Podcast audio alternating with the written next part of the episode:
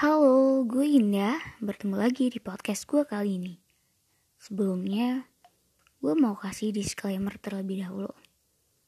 Bahwa podcast ini dibuat berdasarkan opini pribadi gue dalam memandang suatu hal. Oleh karena itu, gue gak memaksakan lo untuk setuju dengan apa yang gue bicarakan nanti. Karena semua manusia punya persepsi masing-masing. So, enjoy!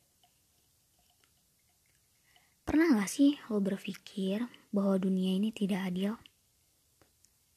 Lo nih, sudah berusaha sekeras mungkin, menggunakan berbagai cara agar tujuan lo tercapai, tapi hasilnya tetap nihil. Sedangkan ada nih orang lain di luar sana yang kalau dilihat hidup segan, mati tak mau. Tapi dia mampu mencapai segala macam tujuan yang dia inginkan. Gak adil banget kan? Kalau lo pernah berpikir seperti itu, yuk mari kita udah sama-sama. Kenapa sih begitu? Jadi begini cuy. Dunia itu emang tempatnya ketidakadilan. Wajar kok ketika lo beranggapan bahwa dunia itu tidak adil. Lo pasti bertanya-tanya, kalau dunia itu tempatnya ketidakadilan, lalu di mana tempatnya keadilan itu berada? Gue jawab deh. Tempatnya keadilan itu berada yaitu di hari akhir. Yaumul Hisab. Tempat di mana apa yang menjadi kebaikan dan dosa lo akan dihitung dan ditimbang dengan adil. Lo mau berkilah? Mana bisa? Semuanya sudah tercatat dengan rapi dan terekam dengan jelas. Oleh karena itu, lo gak akan bisa berkilah sedikit pun. Dan ya cuy, dunia ini fana. Apa sih yang lo kejar? Paling ujungnya juga yang lo kejar itu standar yang ditetapkan oleh orang lain untuk diri lo kan seperti lo harus lulus kuliah tepat 4 tahun. Harus punya tabungan 100 juta sebelum usia 25 harus nikah di usia 23 harus ini harus itu dan harus harus yang lainnya. Gak ada ujungnya. Karena ya, semua itu ujungnya cuma angka. Angka ini, angka itu, angka-angka lainnya. Terus, gimana hubungannya antara dunia ini tidak adil dengan segala macam yang gue sebutkan tadi? Hubungannya yaitu di proses.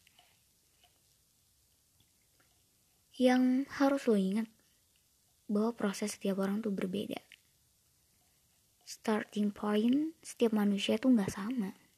Yang sama cuma garis finishnya aja, yaitu kematian. Pernah nggak sih lo berpikir di balik leletnya proses yang lo alami ada sebuah pesan yang tersirat.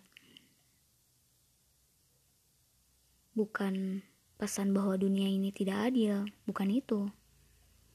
Tapi sebuah pesan yang menyebutkan bahwa bahu lo kuat. Gak sadar kan? Emang gak sadar. Gini deh, kalau semuanya mudah, apa gunanya doa? Kalau semuanya mudah, mungkin lo gak akan pernah merengek dalam sujud terakhir. Mungkin lo juga gak akan pernah mengangkat tangan tinggi-tinggi dengan bersimbah air mata. Apalagi ini, meminta kepada Tuhan untuk dimudahkan segala urusan. Lu gak akan pernah kalau semuanya itu berjalan dengan sesuai yang apa yang lo inginkan. Jadi ya, di balik proses yang sulit dan dunia tidak adil tuh banyak banget pelajarannya. Lo bisa jadi lebih dewasa dari sebelumnya, lebih bisa mengendalikan emosi yang tadinya meledak-ledak, lebih menghargai proses yang ya tadinya isinya cuma misuhan aja. Tapi balik lagi ya, kita kan manusia. Yang kelihatan emang bagian buruknya aja dari sebuah proses. Iya nggak? Karena yang instan tuh lebih menawan. Tapi loh, jangan salah. Yang instan emang lebih menawan, tapi belum tentu berujung dengan kebahagiaan. So, nikmati prosesnya aja. Tetap semangat, bahwa kita kuat. Semangat. Sekian dari gue, bye-bye.